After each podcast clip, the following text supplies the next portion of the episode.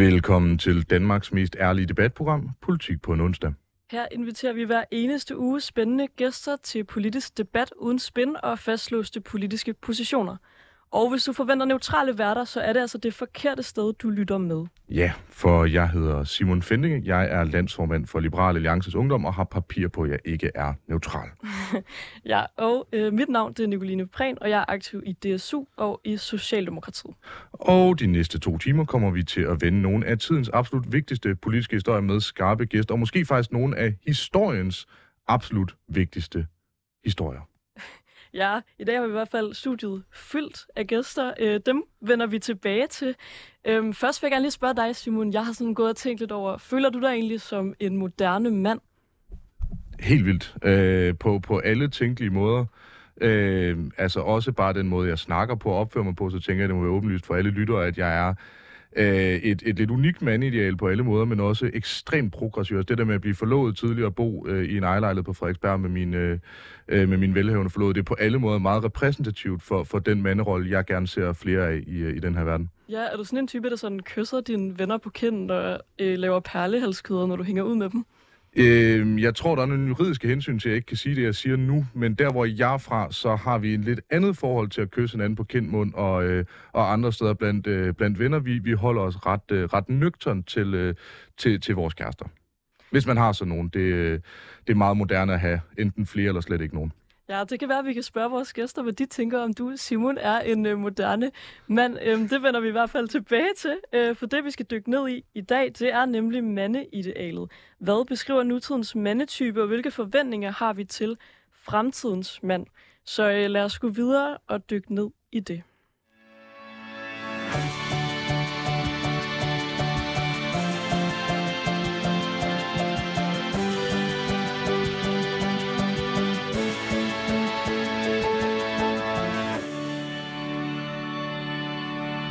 Du lytter nemlig til Politik på en onsdag med Simon Fendinge og Nicoline Prehn, hvor vi i dag har besøg af en masse kloge gæster, som vi kommer til at introducere løbende, når vi spørger dem, hvorfor de har kastet sig ind i debatten om mandeidealet. Ja, for de sidste måneder er en debat om mandekønnet simpelthen blusset op. Først i kølvandet på den nye øh, sæson af TV2's reality-serie Bachelorette, hvor to kvinder dater 16 forskellige mænd. Ikke, ikke på samme tid, men sådan lidt på skift. Mændenes fællesskab i serien har vagt øh, forundring og fascination, blandt andet fordi de kysser hinanden, laver perlesmykker og taler om følelser. Men mændenes måde at være sammen på er også blevet mødt af kritik. I en kommentar i Weekendavisen har udlandsredaktør Anna Libak betegnet mændene som, og jeg citerer, bløddyr, øh, citat slut i øvrigt, og som en ny mandetype, som TV2 selv har skabt, og som, citat, ingen har efterspurgt. Så får vi også lidt udbud efterspørgsel her. Og på de sociale medier bliver der sat spørgsmålstegn ved, citat, mændenes maskulinitet, fordi de udviser omsorg for hinanden og ikke opfører sig, som mænd normalt gør i reality-programmer. Ja, og siden har også den nye Barbie-film kørt debatten om den moderne mand videre. I filmen er der nemlig byttet rundt på kønsrollerne, så kvinderne styrer samfundet, og så Barbies kavaler Ken er portrætteret som den underkudede mand, der er overflødig for kvinden. Ja, og derfor samler vi i den her time op på debatten om mandeidealet. Vi er nemlig øh, så heldige at have et helt hold af kloge mennesker med. Vi har nemlig hele fem gæster med i dag. Vi har samlet nok til, at vi kunne have et indendørs fodboldhold eller et syvmandsfodboldhold. Det kan vi selvfølgelig lige overveje bagefter. Det er også meget mandet sagt, når man lige overvejer det. Og øh, ja, I har alle fem blandet jer i debatten om mandeidealet, og nu har vi altså rykket debatten ud af avisballerne og ind i studiet og virkeligheden her. Ja, det har vi nemlig, og vi kan starte med at sige velkommen til dig, Mathias Sikora. Du er uddannelsesordfører øh, for Radikal Ungdom. Velkommen til. Tak. Øhm, du skrev et indlæg i Politiken den 11. juni med overskriften Jeg må desværre give mine veninder medhold i, at mandekønnet har massive sætningsskader i fundamentet, hvor du altså blandt andet også skriver, øhm, det maskulinitetsbegreb, vi mænd bliver underlagt i dag, tvinger os til enten at være idioter eller at stå tilbage som undskyldninger for os selv. Mathias, kan du ikke starte med lige at fortælle lidt om, hvad der fik dig til at gå ind i den her debat? Jo. Øhm, det, der fik mig til at gå ind i den her debat, er at have, have oplevet nok gange øhm, sådan de her samtaler, jeg beskriver med, veninder, med mine veninder, øhm, hvor der bliver sagt den her sætning, jeg hader mænd. Øh, det er en sætning, jeg, sådan har, jeg har undret mig meget over. Den har egentlig også været super træt af den, fordi hvor, hvor fanden sætter det mig hen? Altså, hvad, jeg, jeg er en mand, jeg identificerer mig som en mand, så hvad vil det sige, at, at folk, som jeg egentlig holder af, siger, at de hader mænd? Mm. Øhm, og det var sådan, det er en sætning, der har rumsteret lidt i mit hoved. Øhm, og så, så tror jeg bare, at jeg sådan, på et tidspunkt havde oplevet nok på, sådan, på en bytur, eller så mange andre steder, at der bare er sket sindssygt grænseoverskridende ting, og alt sammen er mænd. Og hvad, hvad er det for nogle grænseoverskridende ting? Det kan være altså uønskede berøringer, eller øh, dumme kommentarer, eller lige det der pift, når man går forbi på gaden. Eller, altså, der er så mange forskellige ting, som, som sådan enkeltstående kan virke som små ting, mm. men som, som bare bliver ret stort, når det er noget, man skal opleve gentagende gange. Øhm, og så skrev jeg det her debattenlæg, fordi jeg, jeg havde sådan en, jamen, hvordan kan jeg få lov til at sige noget om det her? Altså, sådan, jeg er en mand. Hvordan kan jeg få lov til at sige noget om kvinders oplevelser på en bytur? Det er vel egentlig ikke min ret. Men jeg følte alligevel, at, at jeg havde brug for at, at råbe højt over for, for mine medmænd og sige, hvad fanden skal vi gøre ved det her? Øhm, og derfor så kom jeg med det her sådan meget klare statement, at sådan, jamen, jeg hader også mænd. Mm. Bare for ligesom at kunne få lov til at tale med i den her debat, for at jeg ikke bare blev, blev endnu en mand, der skulle mene noget om, hvad kvinder synes og føler. Men er din oplevelse ligesom, at de mænd, der opfører sig grænseoverskridende i byen, det er dem, der er flest af? Det er ligesom øh, repræsentativt for hele mandekønnet? Man kan jo sige, det, det er lidt tankevækkende. Altså nu har jeg talt en del øh, om det her efterhånden. Og jeg har ind, indtil videre ikke mødt en mand, der siger, at han, han enten selv har gjort det, eller kender nogen, der gør de her ting. Øh, men det er jo alligevel noget, at klart de fleste kvinder nok kan ikke genkende til, hvis de bevæger sig i nattelivet. Øh, så sådan, det er jo ikke, fordi vi har en eller anden statistik, der viser, om det her det er, er klart hovedparten. Men, men det er alligevel noget, som rigtig mange oplever. Men, men og det er vigtigt lige at deklarere, øh, jeg har ikke en phd i statistik, og det er jo et rygte, jeg gerne vil med ind til jorden, men, men kunne det tænkes øh, i særdeleshed, at øh, dine venner måske ikke er dem, som gør det, altså hvis man er i gang med lang videregående uddannelse, og det ene og det andet, så repræsenterer man måske også, hvad kan man sige, de øh, socialklasser med undtagelse måske af sådan Herlufsholm-historie og sådan noget, som sjældent er, er de store problemer i det her. Og kunne man ikke forestille sig, at det ofte er Goddersgade og Vestergade, og de samme mænd, som måske simpelthen mangler den her opdragelse, snarere end et mm. vil sige, generelt mandeproblem? Nu synes jeg, det er noget, jeg møder i rigtig mange forskellige kredse. Altså nu er det jo ikke, fordi jeg kun kommer i akademikerkredse, altså jeg er fra Slagelse. Øhm, så du har aldrig været i en akademikerkreds med andre ord? Ja, det kan man også sige. Øhm, så sådan, jeg, jeg vil sige, at jeg oplever det rigtig mange forskellige steder. Jeg oplever det også, når jeg kommer til, øh, til forskellige ting i sådan politiske miljøer. Mm. Øhm, så sådan, men oplever du da, at det er mange forskellige, eller oplever du, øh, at det kontinuerligt er meget de samme? Jeg synes, det er meget forskelligt. Altså, jeg synes ikke, jeg kan sådan give dig sådan en sådan stereotyp på, hvem det er, der gør det her. Det er ikke fordi, at det er ham, der kommer i et par, øh, et par øh, sådan knaldhvide Nike-sko og, og et par joggingbukser. Øhm. øhm, ja. Det kan vi måske øh, vende tilbage til, Mathias. Øh, fordi nogen, der er lidt uenige med dig, det er to, som vi også har fået med i studiet i dag. Det er nemlig jeg to, Ulla Hinge Thomsen, forfatter og parterapeut, og øh, Thomas Tidje, som er kulturformidler. Velkommen til jer. Tak. Tak. Ja, kulturformidler, det er jo sådan den moderne betegnelse for bibliotekar. Ah, okay. Ja, det, er, det er meget godt mm. lige at få på plads. Øhm, I to, I skrev sammen et indlæg i Jyllandsposten mm. den 26. Øh, august øh, under overskriften Verden har ikke brug for mænd, der hader kvinder, men har heller ikke brug øh, for mænd, der hader mænd. Hvor jeg så blandt andet kritiserer Mathias' indlæg i politikken for at være et eksempel på det, I kalder et udpræget negativt syn på maskulinitet. Mm. Øhm, kan I ikke lige prøve at forklare, hvad der I mener med det? Måske kan du starte, Thomas. Jo, altså Ulla og jeg havde jo ligesom fulgt debatten, og det vi havde oplevet var, at, at indlæg, som ligesom i tale satte, at enten var mænd for meget, eller også var de for lidt. Ikke? Altså, der er Anna Libak over på Weekendavisen, som synes, at øh, mænd de er nogle bløde dyr, hvis de begynder at drage omsorg for hinanden og lave perlearmbånd. Og så er der sådan en som Mathias, som siger, jeg hader mænd. Og hvor vi måske prøver at, at, at sige, at man altså prøver at høre, at mænd er meget forskellige, og det er faktisk, synes jeg, er rigtig vigtigt at få slået fast, når vi skal tale om mandeidealer og tale om en mandetype, som det også udtales om. Mænd er meget forskellige. Vi, sad, vi, vi kørte herind til med S-toget i dag, og der havde vi snakken, fordi der sad vi og snakkede med en, en grønlandsk mand, og han sad med sin, med sin øh, guldbejer og sad og snakkede om, han havde det skide godt i dag, fordi solen skinnede. Men nu skulle han altså lige gå ind, og, nu skulle han lige ind til sin datter og give sin ovenbo tørt på, fordi øh, han sagde, hun larmede for meget. Ovenover, over for ham så sad sådan en ung mand, som i grinede lidt bagefter, da han, den grønlandske mand, var, var, var, var stedet af toget, som så ud som om han skulle til yoga, og gik rundt med sådan en, en, en, en, en taske i regnbuefarver. Og det er jo bare fordi allerede der, så ser vi jo to forskellige mandetyper, som er utrolig forskellige. Ikke? Så det vi ville ligesom tale ind i, det var jo, at, at øh, der er også rigtig mange mænd inde i midten, som prøver at gøre det godt. Nogle af dem slås måske lidt med nogle problemer, ligesom kvinder slås med nogle problemer, nogle eksistentielle, nogle personlige problemer. Men der er rigtig mange mænd, som prøver og som gør det godt, og har gjort det godt gennem historien. Og hvis vi skal bringe noget videre til vores drenge, og der kan vi jo tale om, hvad er det for nogle idealer, vi skal have, så hjælper det ikke for meget for os, at man siger, at enten er du for lidt som mand, eller også er du for meget. Enten er du et bløddyr, eller er du toksisk. Og det er jo ikke ens betydende med, at vi skal tale om de problemer, for eksempel Mathias har oplevet i nattelivet og oplevet fra sine kvindelige minder. Mm. For de eksisterer, og de er derude, men vi bliver også nødt til at tale om alle de mænd, som faktisk kan gøre en positiv forskel derude. Men nu har I jo selv kastet jer ind i debatten om sådan øh, mandeidealet. Altså, det, du siger her, lyder jo lidt som om, at I faktisk ikke rigtig tænker, at der eksisterer sådan en samlet kultur for mænd, at alle mænd ligesom er forskellige mennesker. Måske kan vi få Ulla på, øh, på banen. Du er også parterapeut ja. øh, ja. til hverdag. Det kan være, at du, du har en oplevelse af det. Altså, kan man overhovedet tale om, at der findes en mandetype?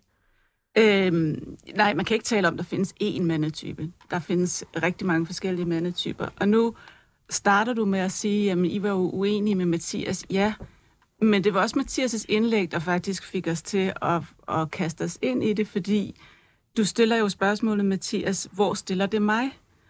Og det, vi synes er ærgerligt og trist, det er, at, at det virker som om, nu ved jeg godt, dit indlæg er polemisk osv., men det virker som om, at der er ikke noget sted at gå hen. Og det synes vi simpelthen ikke er rigtigt, fordi du kan ikke tale om en mandetype, men du kan godt tale om maskulinitet. Altså maskulinitet findes, og maskulinitet kan godt være sund, den behøver ikke at være giftig. Så der er ikke kun de her ret mm. triste muligheder, som, som vi også, i øvrigt også polemisk, øh, ramser op med, enten er du bløddyr, eller også er du øh, toksisk. Der er faktisk alt det inde i midten, som Thomas også taler om. Der er en masse mm. mænd, der står op hver dag og er øh, vigtige for dem selv, for deres nærmeste, for deres arbejdspladser. Så, så vi vil gerne skabe et mere nuanceret billede. Det er egentlig det, der gør Så er det hele tiden det der med at tale om en, en mandetype. Jeg kunne også spørge dig, Nicoline. Findes der en speciel kvindetype? Mm. Ja, det, det tror jeg da også selv er noget, jeg har tænkt på, at det er det enormt svært at Altså, det kunne du lige så godt spørge om, ikke? Mm. Um, igen er det vigtigt med en nuanceret billede, tror jeg. Men nu har I selv kastet jer ind mm. i debatten sådan mm. om jo mandetypen, mm. så det må vel også være, fordi I i en eller anden grad tænker, at det er noget, man godt kan diskutere og forholde sig til, hvordan mænd ja. i vores samfund mm. ligesom agerer. Altså, så der må vel mm. være noget om, at der på den måde er, er en forskel. Ja, på mænd og kvinder, mm. det er det, du mener. Ja, vi har talt rigtig meget om det, også op til vi skrev det her indlæg. Hvad er egentlig forskellen på os? Vi er jo også et par, vi er kærester. Øh, og vi har brugt ret lang tid på at sidde og finde ud af, hvad er det egentlig, der gør, at det er mig, der er kvinden, og Thomas, der er manden i det forhold. Fordi vi har meget flere, mange flere overlap, end vi egentlig har forskel. Altså, vi har et overlap i uddannelse, vi har et overlap i alder, i baggrund, i familieopvækst øh, osv.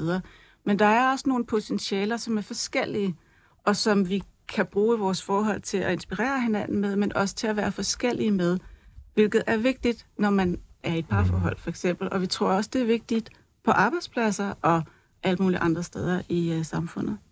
Det kan være, at øh, vi vender tilbage til det. Inden vi hører øh, de to øh, sidste gæster, vi også har med i studiet, øh, så synes jeg lige, vi skal have dig, Mathias, på banen. Øh, nu kritiserer Ulla og Thomas jo lidt øh, dig for ligesom på en eller anden måde at male et meget hårdt billede af det her med, øh, hvordan mænd er. Altså, anerkender du, at du måske har sådan tegnet stregerne lige lidt hårdt op? Ja, det er et debattenlæg, så selvfølgelig har jeg tegnet stregerne lidt hårdt op. Mm. Øhm, men, men jeg tror egentlig, en af mine sådan helt helt vigtige pointer her, det er, at jeg har savnet, at mænd har taget eller tager den kamp, som kvinder tog i 70'erne op igennem, og ligesom får skabt plads til, at man kan være mand på rigtig mange måder. Og jeg er helt enig med dig i, at der findes mange forskellige mænd. Altså sådan det billede, I, I maler af, af, af grønlænderen og, og ham, der skulle til yoga, er jo super fint. Men jeg tror også, hvis man sådan graver lidt dybere ned, så er det nok også begge to mænd, der slår sig lidt på nogle mandeidealer. Altså der, der er nogle mas, noget maskulinitet, som jeg sådan... Så du siger det her med, at, at at der er mange mænd, der står op og øh, er vigtige. Mm. Men er det mandigt at være vigtig? er det ikke, en, altså sådan, er det ikke bare noget, vi alle, alle sammen skal kunne? Øhm, og jeg sådan, tror, det her med sådan at lave kønnede værdier på vores forskellige køn, er jeg virkelig, virkelig træt af. Jeg er træt af, at det kun må være kvinder, der sådan er øhm, omsorgsfulde, og det kun er mænd, der kan være beskyttende. Og det er egentlig det, jeg godt vil ud over. Jeg vil godt have, at vi får et mere sådan inkluderende sådan kønsbegreb, sådan helt generelt, så at man som mand også kan få lov at være omsorgsfuld og kan tage sin barsel og være stolt af det, men at man som kvinde også kan være vigtig, øhm, og på den måde ligesom komme ind ad døren. Øh, Føler du som mand, at der er noget, der altså, begrænser dig i at kunne være omsorgsfuld og i øvrigt tage barsel? Altså, noget, der begrænser dig i at tage barsel, altså vil du ikke have børn, men øh, er der noget, der begrænser dig i, i omsorg generelt? Jeg føler, der er sådan nogle, nogle sociale sådan, dogmer ved det. Øhm, det er helt klart blevet bedre, men Ser dine venner ned på dig, hvis du er omsorgsfuld? ja, i en vis grad. Øhm, det er i hvert fald ikke lige så acceptabelt, at jeg øh, deler mine sådan, bekymringer eller følelser over for mine mandlige venner. Jeg sagtens gør det over for mine veninder, men, men sådan mænd imellem, der bliver det meget det bliver meget hurtigt, meget hårdt, og så sådan, ja, nå, men det var sgu lidt hårdt, og så er vi videre og taler om AGF-kampen i går. Mm. Og i øvrigt altid et fornuftigt øh, emne at, øh, at bringe op. Øh, og, og så rent nysgerrig, nu siger du, at de her to øh, mandetyper, begge to støder, støder mod et mandeideal. Altså den eneste, som øh, den eneste, den ene, øh, ham grønlænderen, som, øh, som er, øh, hvad skal vi sige, han virker øh, proaktiv for at lyde som sådan en jobannonce. Altså han, øh, han vil gerne ud og gøre noget ved et, et åbenlyst problem, han har. Mm. Øh, og så har vi så tilsvarende manden, der går til yoga. Øh, hvis de begge to støder hovedet mod et mandeideal, hvad er det så for et mandeideal, du mener, der er? Altså hvis det hverken er at øh, altså, gøre noget ved det, eller kigge ind i sig selv, er det så bare at sidde, øh, sidde nede på bænken og se, hvor mange bajer man kan drikke? Mm, jeg tror, det jeg siger, de støder sig på, er lidt den kamp, der står om det. Øh, hvis jeg, det vil jeg bare godt lige gøre tydeligt.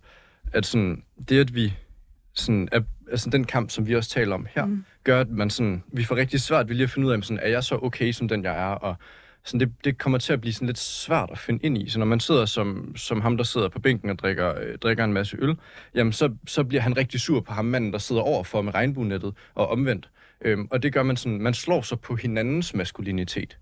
Øhm, og og det, det synes jeg er, er problematisk. Vi skal også passe på, at vi ikke kommer til at få, altså, vi får sat så stærke modpoler op. Jeg vil egentlig hellere have, at vi får sådan en, en fælles betegner af maskulinitet, der gør, at de begge to kan se sig hinanden som mænd. Og det kan Ulla måske lige hurtigt få lov at svare på, og så går vi uh, Ja, videre. det jeg har lyst til at svare på det med ordet vigtig, mm. fordi jeg tror, du lægger noget andet i det, end jeg mener, for jeg synes bestemt også, det er vigtigt at være omsorgsfuld. Altså, det, det er også vigtigt. Og så får jeg lyst til at sige, dig, sige til dig, jeg forstår virkelig godt, at du har lyst til, at der bliver plads til noget mere. Og det synes jeg, du skal insistere på. Mm. Hvis dine venner siger, at Nå ja, det var lidt hårdt for dig, så sig nej. Jeg vil have, at vi snakker om det her. Det oplever jeg faktisk især i din mm. generation og med de klienter, jeg har, at det begynder mænd at gøre, fordi mænd taler nogle gange om de her ting på en lidt anden måde end kvinder, så derfor kan det være en rigtig god idé at tale med sine mandlige venner netop om følelser og være omsorgsfuld osv.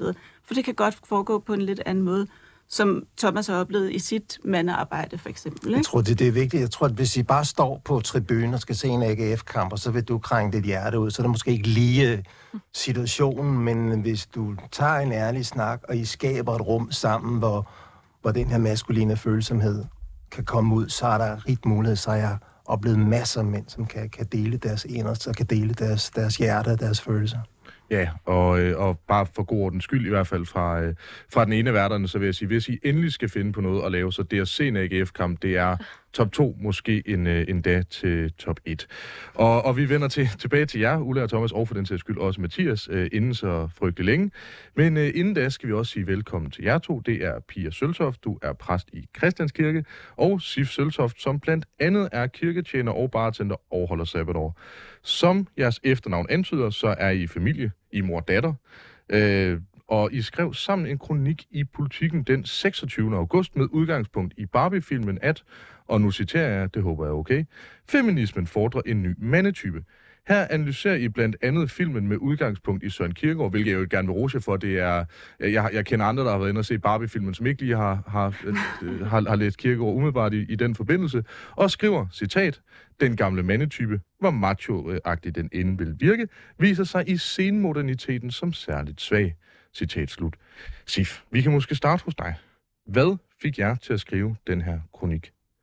Altså, jeg tror egentlig for mig, det startede i gymnasiet allerede, øh, hvor jeg skulle skrive en SAP-opgave i 3.G. Og jeg vidste, at jeg gerne ville have et øh, feministisk aspekt på det. Øh, og derfor begyndte jeg også at undersøge mere, øh, hvilke ændringer, der er sket i det moderne samfund, øh, hvor der jo særligt også er skift, sket et skift i kønsrollerne.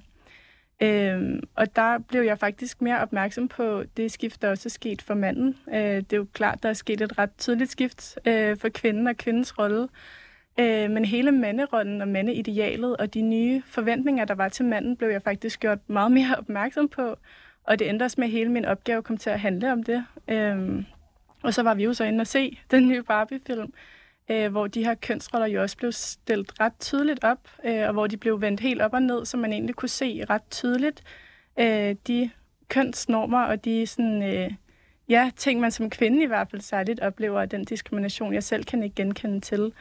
Og det var egentlig der, mit engagement startede øh, for hele den her debat. Og, øh, ja, og hvorfor jeg synes, det er så interessant også, fordi jeg selv er fra den yngre generation, øh, og jeg kan selv se, hvordan øh, unge fyre på min alder har ændret sig meget, og, og normen har ændret sig, og hele det her brud med sådan toxic masculinity og, og måden, man skal agere på over for sine venner, det, det kan se en forandring. Selvom det stadig halter på mange punkter, så kan jeg helt klart se en positiv udvikling. Du, du snakker om den her udvikling i manderollen, mandidealer osv. Mm. Kan, kan jeg få dig til at sætte nogle ord på, hvad der er sket?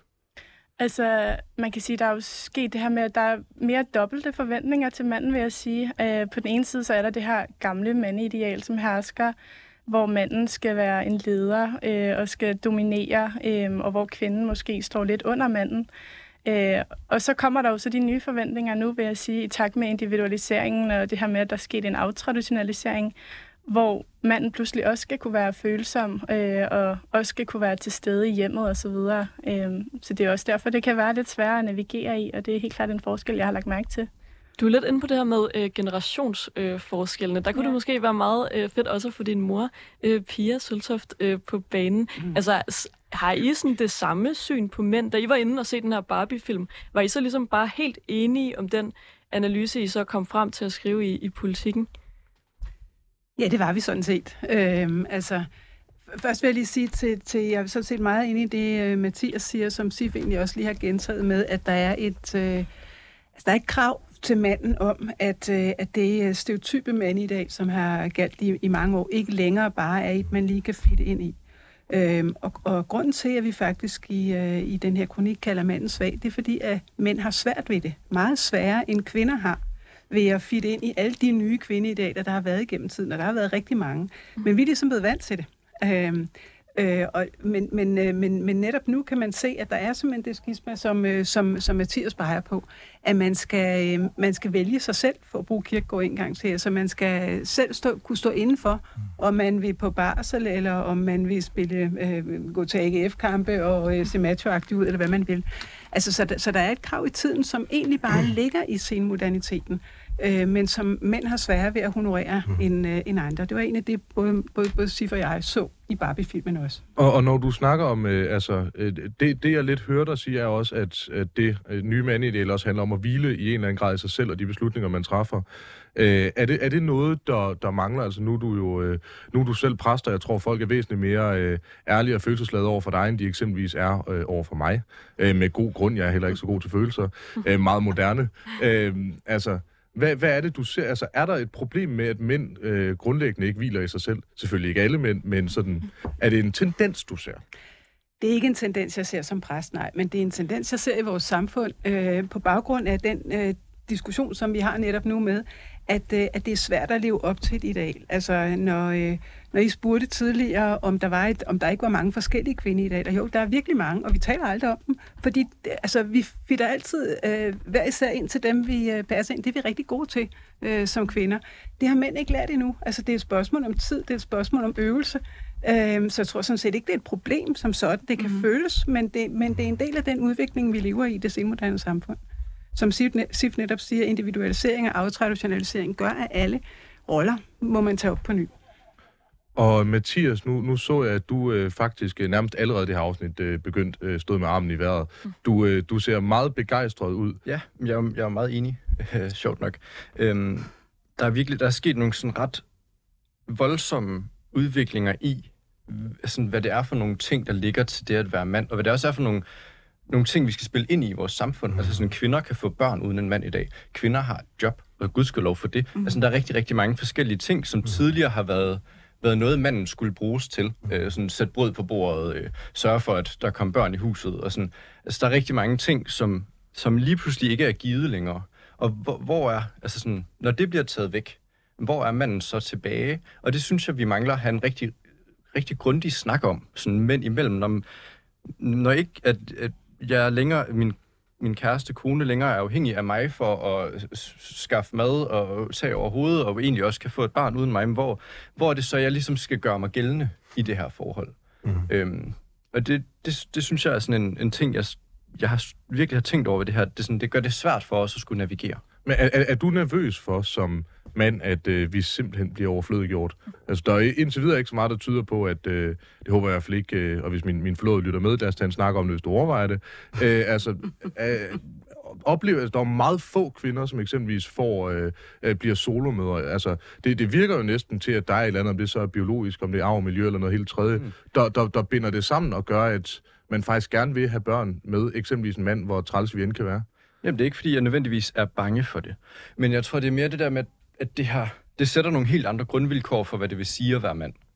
Øhm, og det er egentlig det er mere det, jeg gerne vil pinde på. Det er ikke, fordi jeg går og er, er nervøs for, at jeg ikke kan få børn, fordi der ikke er nogen, der vil have det med mig. Det, det ved jeg ikke, om der er, men måske. Hvis der er nogen ude på linjen, så...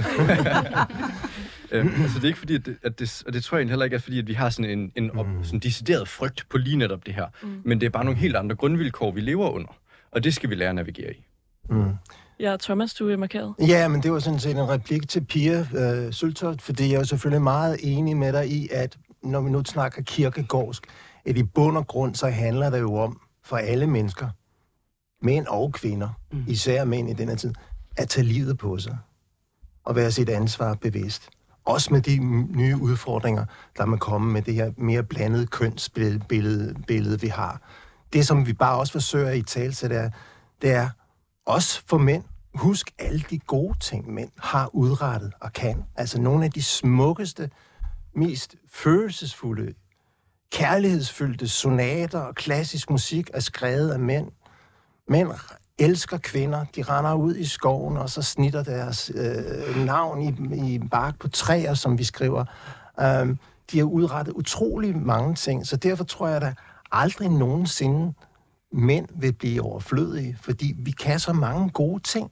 Vi skal selvfølgelig bare sætte dem i spil i samarbejde med kvinder ud fra en respektfuld manier, uden at undertrykke andre, uden at seksualisere andre, uden at, at, at mænd får de jobs, som Ken tror, han kan få i Barbie-film. Han kan blive læge bare fordi han er mand. Mm. Nej, du skal blive læge, fordi du er en dygtig læger, fordi du kan udrette noget. Og der tror jeg et eller andet sted stadigvæk, at det betyder noget for mænd, at vi kommer ud og udretter noget ude i verden, men vi skal selvfølgelig gøre det på en positiv måde. Så det der med, Mathias siger, det der med at, at, at være vigtig i forhold til mænd, jeg tror noget af det, som mænd går og bøvler med, er at, hvad er det egentlig, jeg står op til om morgenen? Hvad, hvad, hvad er meningen med mit liv? Hvad er den dybere mening med mit liv? Og der tror jeg, det er meget vigtigt som mand, at du finder et, et formål i livet, og der er et af kodeordene også ansvar. Sif og, øh, og Pia, kommer I ligesom til at nedgøre den, øh, altså den gamle mandetype, når I skriver, at, øh, at den ikke passer særlig godt ind i senmoderniteten? Ja, Øh, det gør vi. Det kommer vi ikke til. Det gør vi med vilje. Mm. Øhm, altså, øh, først så er vi begge to glade for mænd, er det ikke rigtigt? Jo. Altså, jo. jo. vi kan rigtig godt lide mænd, øh, så det er ikke på den måde hadefuldt øh, på det, nogen det, måde. det bliver et helt nyt program, det her. Ja, ja, ja. Altså, jeg beklager. Men, øh, men, øh, men øh, altså, mit smart, svar til Mathias er, at jeg kan sagtens se, at det er problematisk at være en ung mand øh, i dag, og, og have forskellige ting, som, øh, eller forskellige idealer, som, øh, som kæmper mod hinanden. Øh, men øh, der er også et gammelt mand i dag, som stadigvæk øh, er øh, udslagsgivende rigtig mange steder. Og et gammelt mand i dag, som, øh, som selvfølgelig ikke kun har at gøre med gamle mænd, øh, som også yngre mænd kan have, men som mange ældre mænd helt klart øh, dyrker. Øhm, og, og det er jo det, det mandideal, vi går op med. Ikke? Og det er det mandideal, vi også siger, at Barbie-filmen faktisk går op med. Fordi mm. Ken øh, vender faktisk tilbage med, som en, der, der sidder og spiller guitar på stranden, efter han har forsøgt at være macho. Altså, han på en eller anden måde forsøger at fagne begge ting. Det lykkes ikke helt fint, men han forsøger. Men, øh, men der er stadigvæk nogen, der vil putte Barbie tilbage i æsken, og det er en række øh, midalderne i jakkesæt. Mm. Altså, og, og, og den problematik har vi jo stadigvæk. Ja, jeg kunne faktisk godt tænke mig, lige om lidt, så går vi videre øh, til næste øh, runde, hvor vi også skal sådan, tale mere om, hvad der så skal til for, at mandidealet kan ændre sig. Men jeg kunne godt lige tænke mig at høre dig, Simon. Nu spurgte jeg dig jo i starten af programmet, om du er en moderne mand. Altså, hvad tænker du om det, der bliver øh, sagt i studiet her? Er du, er du enig? Øh, nej, i nogle af tingene, der bliver sagt op til flere forskellige ting. Øh, jeg synes selvfølgelig er der, det der med at hvile sig selv som mand, synes jeg er ret vigtigt, og er også for mig at se en stor del af, af, af, af manderollen, også af nogle den helt øh, almindelige biologiske årsager, som mænd er øh, af, af natur rolig og anlagt, og det har ikke noget at gøre med sådan øh, miljø eller noget som helst, det har noget at gøre med, hvad der foregår inde i kroppen. Det er super ærgerligt. øh, og, Interessant. og så tror jeg også, at, at det bliver en snak om et meget snævert og et meget selvbevidst mandeideal, altså der, hvor jeg kommer fra i Morslet, lidt uden for Aarhus. Mm.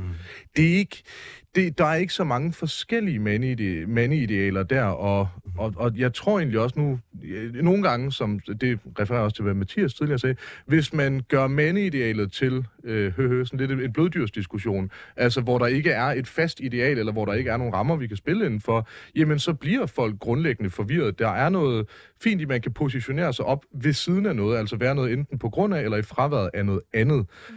Og og så synes jeg jo også, altså nu, nu har der jo været, og det, det er ofte også debattenlæg fra, fra kvinder, at der er den her efterspørgsel efter en, skal vi sige, en lidt blødere mandetype, mm. men, men det flugter rigtig dårligt med, hvad det er for nogle mænd, der øh, fylder i datingstatistikker og sådan nogle ting, mm. at det er muligt, at der er en efterspørgsel på mænd, der kan spille guitar på stranden, men det er ofte bare altså to meter høje mænd med sixpack, som øh, kan løfte tunge ting, og øh, i øvrigt gå ud og se fodbold og alt muligt andet, som, som, altså, som, som scorer mere altså som altså kommer hurtigere i parforhold. Det ene det, altså, det, det, og det, det er jo ofte sådan, biologi øh, hænger sammen. Jeg siger ikke, det er altid sådan. Jeg siger ikke bare, fordi jeg er to meter, at jeg dårligt kan gå ned og godt og skade, uden at, øh, uden at komme til at være utro.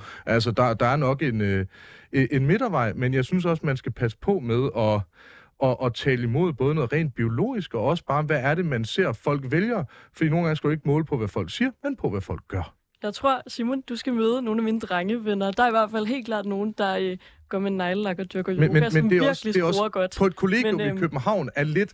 Det, det er på en eller anden måde, uden at blive Inger Støjberg, det er jo ikke super repræsentativt mm. for manderollen som helhed. Nej, vi kan godt blive enige om, at der helt klart er et skæld mellem mænd i byerne og på landet. Nu er der en masse i studiet, der har markeret og gerne vil have ordet. Vi vender tilbage til jer lige om lidt.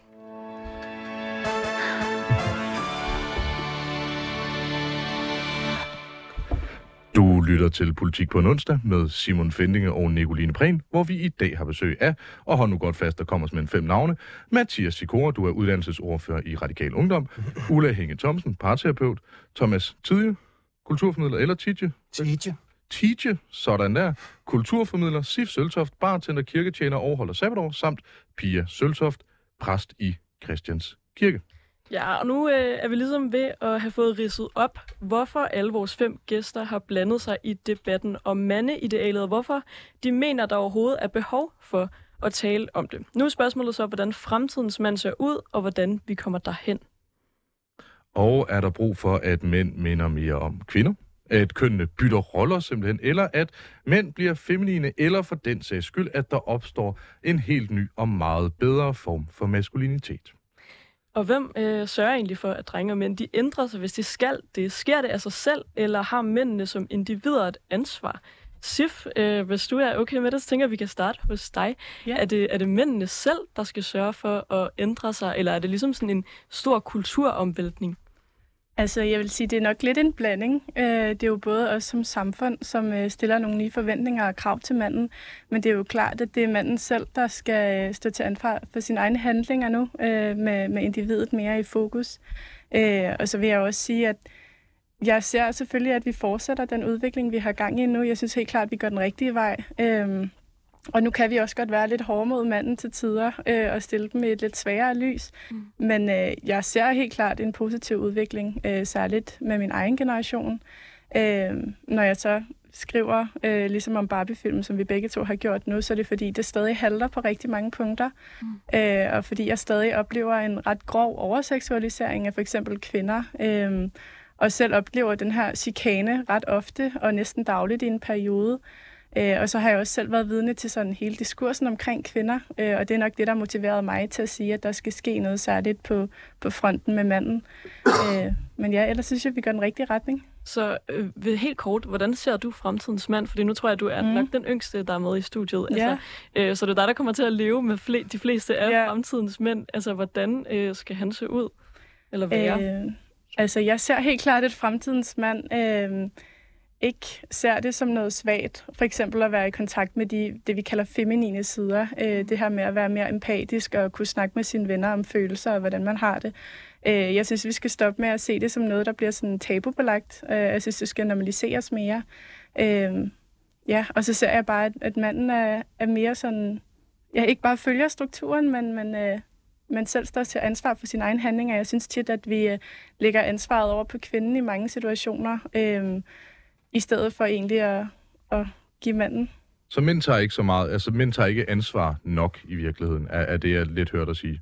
Jamen, altså jeg synes tit, for eksempel nu har der været hele det her med, med crop top-debatten også på et tidspunkt, hvor vi jo går ind og sådan igen overseksualiserer unge piger øh, og siger, hvad de må have på og ikke må have på. Mm.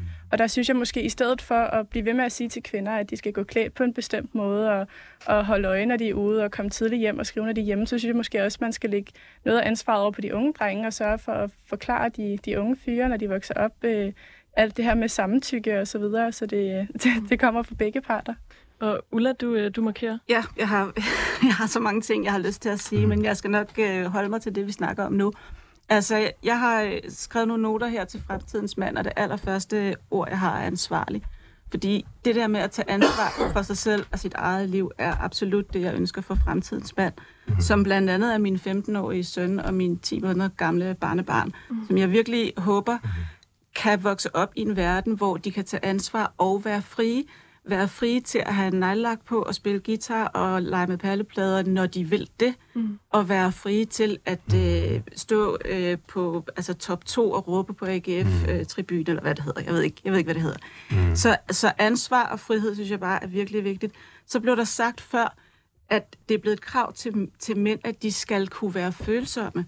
Men mænd har altid haft følelser. Altså, det er ikke noget nyt, at mænd er følsomme, men mænds følelser kommer ud på en lidt anden måde end kvinders. Øh, muligvis, fordi de er blevet opdraget på en lidt anden måde. Det kan også være, at der er noget biologisk. Jeg ved ikke, hvad forholdet er, men jeg ser i hvert fald i mit samtalerum, at der er ekstremt mange følelser på spil for manden.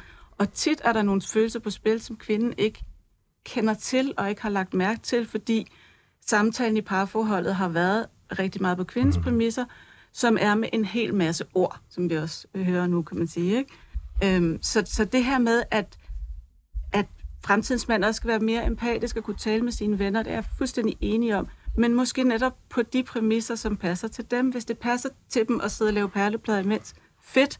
Mm. Hvis dine venner er på en lidt anden måde, så må det være sådan, men insister på at have de mandefællesskaber, hvor I kan tale om det. Jeg kunne godt tænke mig lige, vi kommer tilbage. Øh, Jeg, kom, jeg kunne godt tænke mig lige at spørge dig, Pia. Mm. Øh, ser du, fordi I er i jeres kronik også inde på sådan noget, den religiøse tolkning af Barbie-filmen mm. og sådan noget med øh, at opdage kønnet og Adam og Eva og sådan noget. Ser mm. du ligesom, at kønnene, altså de to køn nærmer sig hinanden, at mænd og kvinder kommer til at blive mere det samme, eller at det bare er begge køn, der skal ligesom opfinde nye versioner af sig selv? Altså tolkningen øh, med, at øh, vi forsøger at lægge, anlægge en, en religiøs indfaldsvinkel til det, handler jo om at sammenligne øh, udgangen fra Barbiland med, øh, med, med paradismyten. Altså, og der er, der er jo det ved paradismyten, at man kan ikke vende tilbage. Altså når man først er forladt, når uskylden er brudt, så er der øh, no return. og sådan mener jeg også, det er i kønsdebatten. Ikke? Altså, at, øh, at, at uskylden er for længst brudt, så vi kommer ikke tilbage i nogle klassiske stenalderstereotyper med, at mænd er stærkere, kvinder er svagere, yndige. Den, øh, den, den, øh, den stereotyp er brudt. Det er der bare nogle mænd, der ikke ved endnu. Ikke unge mænd som Mathias, øh, men, øh, men, men, men flere ældre mænd, der ikke ved det. Og det synes jeg var det, at filmen øh, satte, satte fokus på. Og selvfølgelig, øh, som, øh, som der bliver sagt, har mænd altid haft følelser, men, men det, der jo ligger i det, det er, at der har været et ideal, der har gjort, at de ikke må, måtte blive vist, de ikke måtte komme ud, at de ikke hørte med til den stereotyp. Mm. Og det er jo det, der bliver brudt, kan man sige. Ikke? Altså, så på den måde, øh, altså øh, udgangen fra, øh, jeg ved ikke, om man kan kalde det paradis, men altså det, den, øh, den, øh, den udgang, der er i, i Barbie-filmen, er, lad, lad, lad det blive totalt og aldeles klart, at der er ingen vej tilbage. Altså, at vi lever i en tid, hvor alt er til øh, forhandling. Identitet, både som, øh, som køn, øh, mm-hmm. men, øh, men på alle, på alle planer. Mathias, du, øh, du markerede lige før. Ja. Øhm, så nu har vi hørt øh, ordet ansvar blive kastet lidt omkring. Jeg tror godt lige, at vil angribe det, før vi står med en, øh, endnu en Liberal Alliance-kampagne her. Mm. Øhm, øhm, jeg, jeg, sådan set, altså sådan, jeg er enig med jer langt hen ad vejen, men noget af det, altså sådan, det jeg egentlig rigtig gerne vil have, det er, at vi sådan får fjernet kløften mellem maskuliniteten og feminitet. Mm. Altså, jeg synes ikke, at det nødvendigvis behøver at være særligt feminin at lægge en perleplade eller gå med neglelak. Mm. Altså, det skal være lige så meget noget, en mand kan gøre, som en Mm. kvinde kan gøre. Sagt. Øhm, så, så det, jeg egentlig rigtig gerne vil have, det er, at vi stopper med at have de her sådan kønnede værdier. Jeg, har ikke, jeg har ikke brug for, at, at maskuliniteten har nogle bestemte værdier vedlagt, så jeg har heller ikke brug for, at, at femininiteten har det samme. Jeg vil egentlig bare gerne have, at vi ligesom siger, ser hinanden som det, vi er, mennesker. Øh, og så kan jeg være en, en mere eller mindre omsorgsfuld mand, og, og det gør måske, at jeg vil få nemmere ved at være i, at jeg er den, jeg er. Så øh, du i ser, at der skal fjernes nogle fordomme for begge Ja, køn? helt klart. Okay. Men, men, men anerkender du, at der er nogle ting, som er rent biologisk hensyn, vil ligge mere til mænd end kvinder? Og synes, vi omvendt begynder- også, ikke? Måske. Ja, jeg synes, vi begynder at udviske Ja, mere og omvendt mere. selvfølgelig. Øhm, og det var også det, jeg var inde på før, at vi er et sted, hvor, sådan, hvor teknologien gør, mm. at nogle af de der sådan, biologiske ting, altså jeg vil godt holde biologi til, at øh, sådan, det at kunne føde børn er noget, en kvinde kan. Altså, jeg ved ikke, om, om det der med at være rolig nødvendigvis er noget, jeg vil, vil sige er, er, er særligt mandligt. Hvis, hvis vi kigger på eksempelvis noget som produktionen af testosteron, det mandlige køns, øh, altså kønshormon, så, så ser du eksempelvis, at det fordrer større risikovillighed og, og mere dominans. Det er ikke noget, jeg siger. Ja, det men du noget, ser også kvinder, der har et specifikt. naturligt... Altså sådan, Okay, Så- så, så omformulerer. Jeg kan godt mærke, at øh, man skal virkelig være meget specifik i sine spørgsmål her. Generelt set har mænd mere testosteron, og har jo altid haft det her navnet mandligt kønshormon. Mm. Ikke alle mænd har meget testosteron, jeg er et tydeligt eksempel på det, øh, og, og ikke alle kvinder har, har, har meget lidt testosteron. Der findes nogen, der har meget, der findes nogen, der har lidt, men generelt set har mænd en del mere testosteron end kvinder her i mandligt kønshormon. Anerkender du, at der kan være nogle ting, der er rent biologiske årsager, som vi ikke kan ændre, i hvert fald i den sådan foreseeable fremtid, som kommer af noget rent biologi, som vi bare ikke kan ændre i politikens debatspiller, som bare er sådan, tingene fungerer? Eller? Mm, ja, men, men, men meget, altså, meget lidt. Jeg tror, der er, det er klart størstedelen af noget, vi bliver opdraget til, er min, min indgangsvinkel til det her. Jeg kan godt blive enig i, at ja, der er dele af det, som er biologi. Jeg tror bare mest på, at, at vi kan holde det til det at føde børn, og resten er noget, vi sådan skaber som samfund. Og det, det er min Så du, indgang. så, så, men når du siger det, så anerkender du vel heller ikke det, jeg siger, hvis du siger, du, du siger, at det handler om at føde børn, resten af noget, der altså, er samfundsbestemt. Altså, u- Ja, uden at skal altså, lyde som sådan en 6. klasse seksuel kampagne, altså, det, det, der er vel også ting, der foregår inde i min krop, som ikke engang jeg kan forklare. Det tror jeg på. Jamen, der, er der er for eksempel... Og ja, det er direkte- Det er et uh, direkte citat fra seksualundervisning i 6. klasse på Morslet Skole. Ja tak. Så hvis der er nogen fra 6. der lytter med, så... Uh, men Mathias, fortsæt. Jeg tror, jeg vil, jeg vil godt købe din præmis delvist, for jeg tror, vi begynder at udviske det mere og mere i takt med, at samfundet udvikler sig.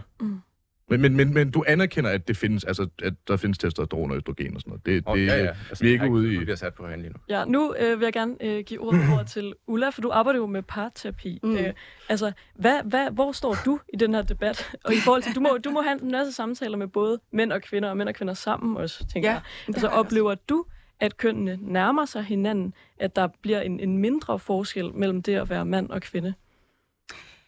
Øhm, jeg er enig med Pia i, at der er ingen vej tilbage. Mm. Men jeg er bare rigtig optaget af, hvad er så vejen frem? Mm. Og nogle gange kan debatten komme til at lyde som om, at hvis mænd skal, øh, skal leve op til de, til de nye krav, og i øvrigt også helt enige i, vi har altid skulle leve op til forskellige krav, mm. så vi er sådan glædet ind og ud mellem alle de her forskellige, det gør vi i øvrigt mm. stadigvæk.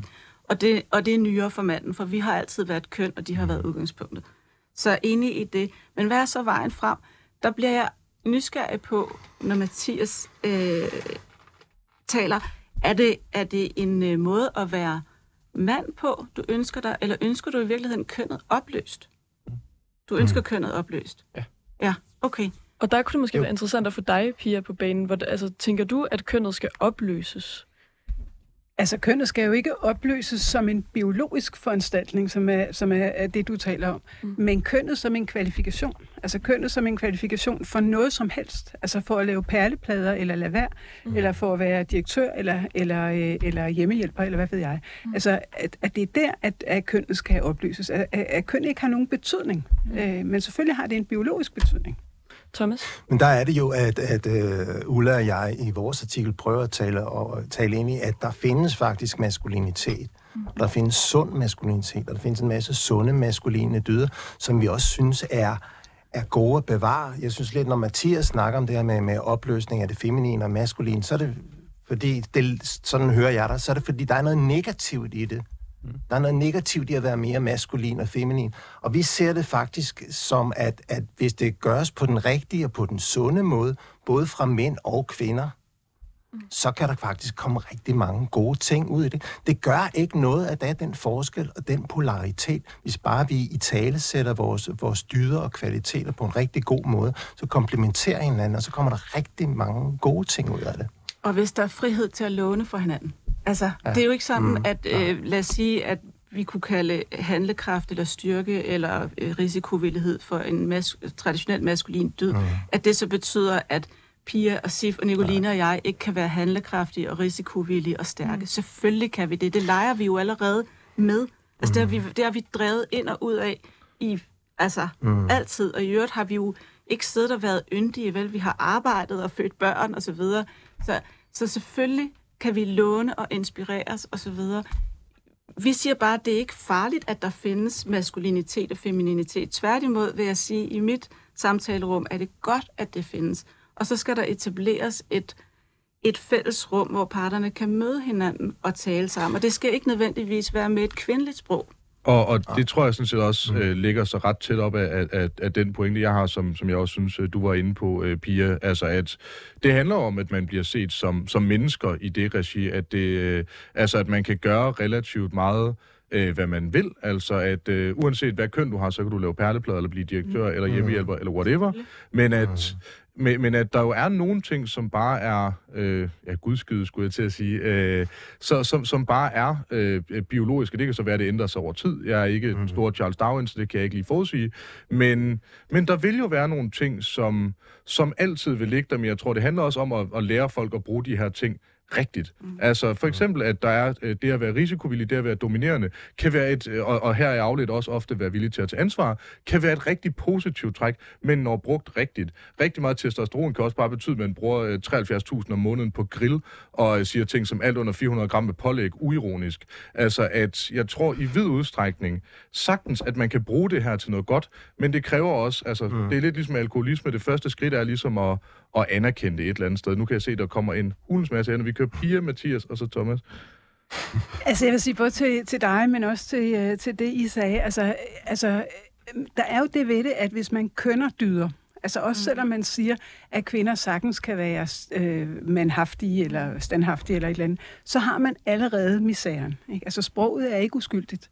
Øh, altså bare sådan en ting, altså nu bliver jeg virkelig rabiat, men bare sådan en ting som, at i enhver tekst, så taler man om mand. Mm. Altså M-A-N.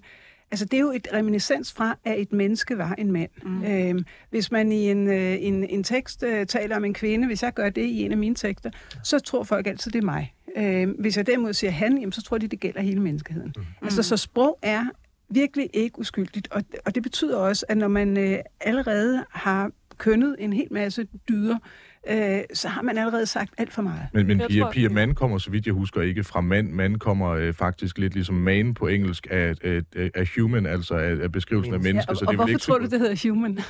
øh, det, det kan der være mange årsager til, men rent Simon, latin, så går det... nok. ja, der, det er jo, der, Pia har jo ret i, at man, som, selvom det mm. kommer af human, så, så betyder det jo stadig også mand ja. på engelsk. Mm. Så derfor er det, det, det er ligesom det ord, man mm. bruger. Men jeg kunne godt tænke mig at høre dig, Pia, for jeg tror faktisk, at jeg er, er ret enig med dig i, at sproget spiller en vigtig rolle, mm. men tænker du så, at man skal ligesom gå ind og ændre nogle ting? Skal man for eksempel altså finde et nyt ord at bruge i stedet for mand, eller er det at være opmærksom på, altså også at, at fremhæve kvinder i, i de, øh, for eksempel når du prædiker i kirken, eller hvad?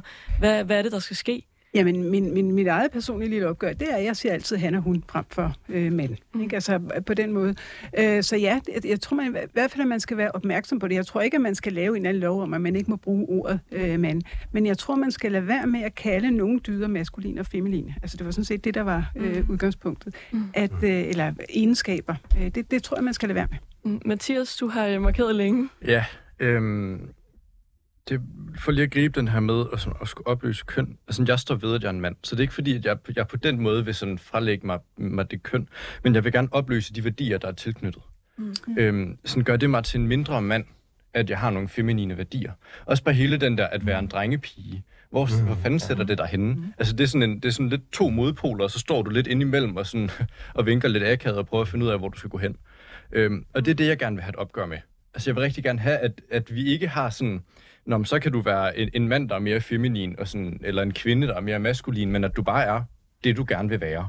Mm. Øhm, og det er egentlig det opgør, jeg gerne vil tage, når jeg siger, at jeg gerne gerne vil opløse kønnene. Men så skal vi jo netop lade være med at tale om en feminin mand eller en drengepige. Ikke? Ja, vi er helt enige. Altså, Ja. ja. Enige. Og jeg måske kunne jeg godt lige tænke mig at nå at høre dig, Sif, hvad du tænker om alt det her. Altså, er du enig øh, med din mor i, at, at sproget spiller en så stor rolle?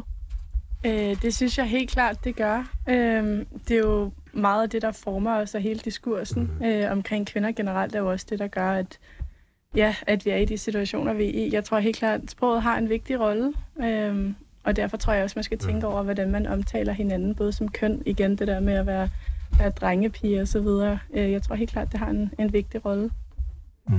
Og ja, Thomas? Jamen, altså, jeg vil bare en, en, en replik til det her med, som Simon sagde for, for ikke så lang tid siden, det her med, at vi skal talsætte dem, og de her maskuline værdier gør dem på en, på en, på en rigtig måde, sætte dem i spil på en rigtig måde. Tag sådan et begreb som følsomhed eller sårbarhed.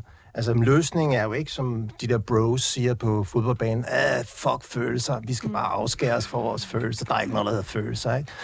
Og så er der de her kvinder, der siger, jamen, jeg kræver, at du er følsom, du skal være sårbar, vis mig din sårbarhed. Mm. Og, og det er der mange mænd, der får galt i halsen, fordi når de så viser sig at være sårbare, ikke, så bliver det tit sådan noget, måske sådan noget tudmeri, åh, hun gik fra mig, og det er hele verdens skyld, og alle kvinders skyld, og jeg har det sådan videre. Hvor jeg har oplevet, hvor min indgangsvinkel til mænd er, nej, jeg skal kunne mærke mine følelser, jeg skal kunne reflektere over mine følelser. Jeg skal ikke afskærme mine følelser, men jeg skal også, og det var den, som historikerne nailede, jeg skal også kunne tåle at være i mine følelser, uden at gå helt gakkelak, ikke? Mm. Altså, så, så det er jo det her med, at igen at tage ansvar for, for dig selv og dit følelsesliv som mand, så du kan fungere i verden. Mathias, vil du, øh, vil du have ordet? Nej. Ja, jo. Det kan Jeg, jeg. jeg tænkte bare, om du ikke måske... Ulla havde markeret, jeg siger det bare. Jo, altså jeg tror, jeg, jeg, den der med, at det sådan, bliver sådan lidt en tudemeri, mm. jeg tror faktisk, altså sådan, jeg tror mere, det bunder i, at mænd ikke har fået lov til at lære at bruge deres følelser. Mm. Så når de så endelig lige pludselig står i en situation, hvor følelserne inde i bygger så så meget op, at de bare vælter ud, mm. øhm, så har de ikke haft nogen god måde at give afkald, altså give afløb på det her. Så jeg, jeg tror, det er jo ikke fordi mænd ikke har følelser. Vi får bare ikke lov til at lære at bruge dem. Og derfor kan det være, at det ender i sådan nogle situationer, hvor når, når kæresten går, at det så det hele vælter. Og det tror jeg også generelt, man ser, at, at du ved, når, når, når ting går galt for en mand, mm. så går det ofte rigtig meget galt. Og det øh, blev det sidste ord i øh, den her time af Politik på en onsdag. Tusind tak til jer, Mathias Sikora, Ulla Hinge Thomsen, Thomas Tidje, Sif Søltoft og Pia Søltoft. Øh, tak fordi I var med til en virkelig spændende debat om tidens og fremtidens mandeideal. Man kan høre det her program øh, og alle vores andre programmer øh, på 24 hjemmeside.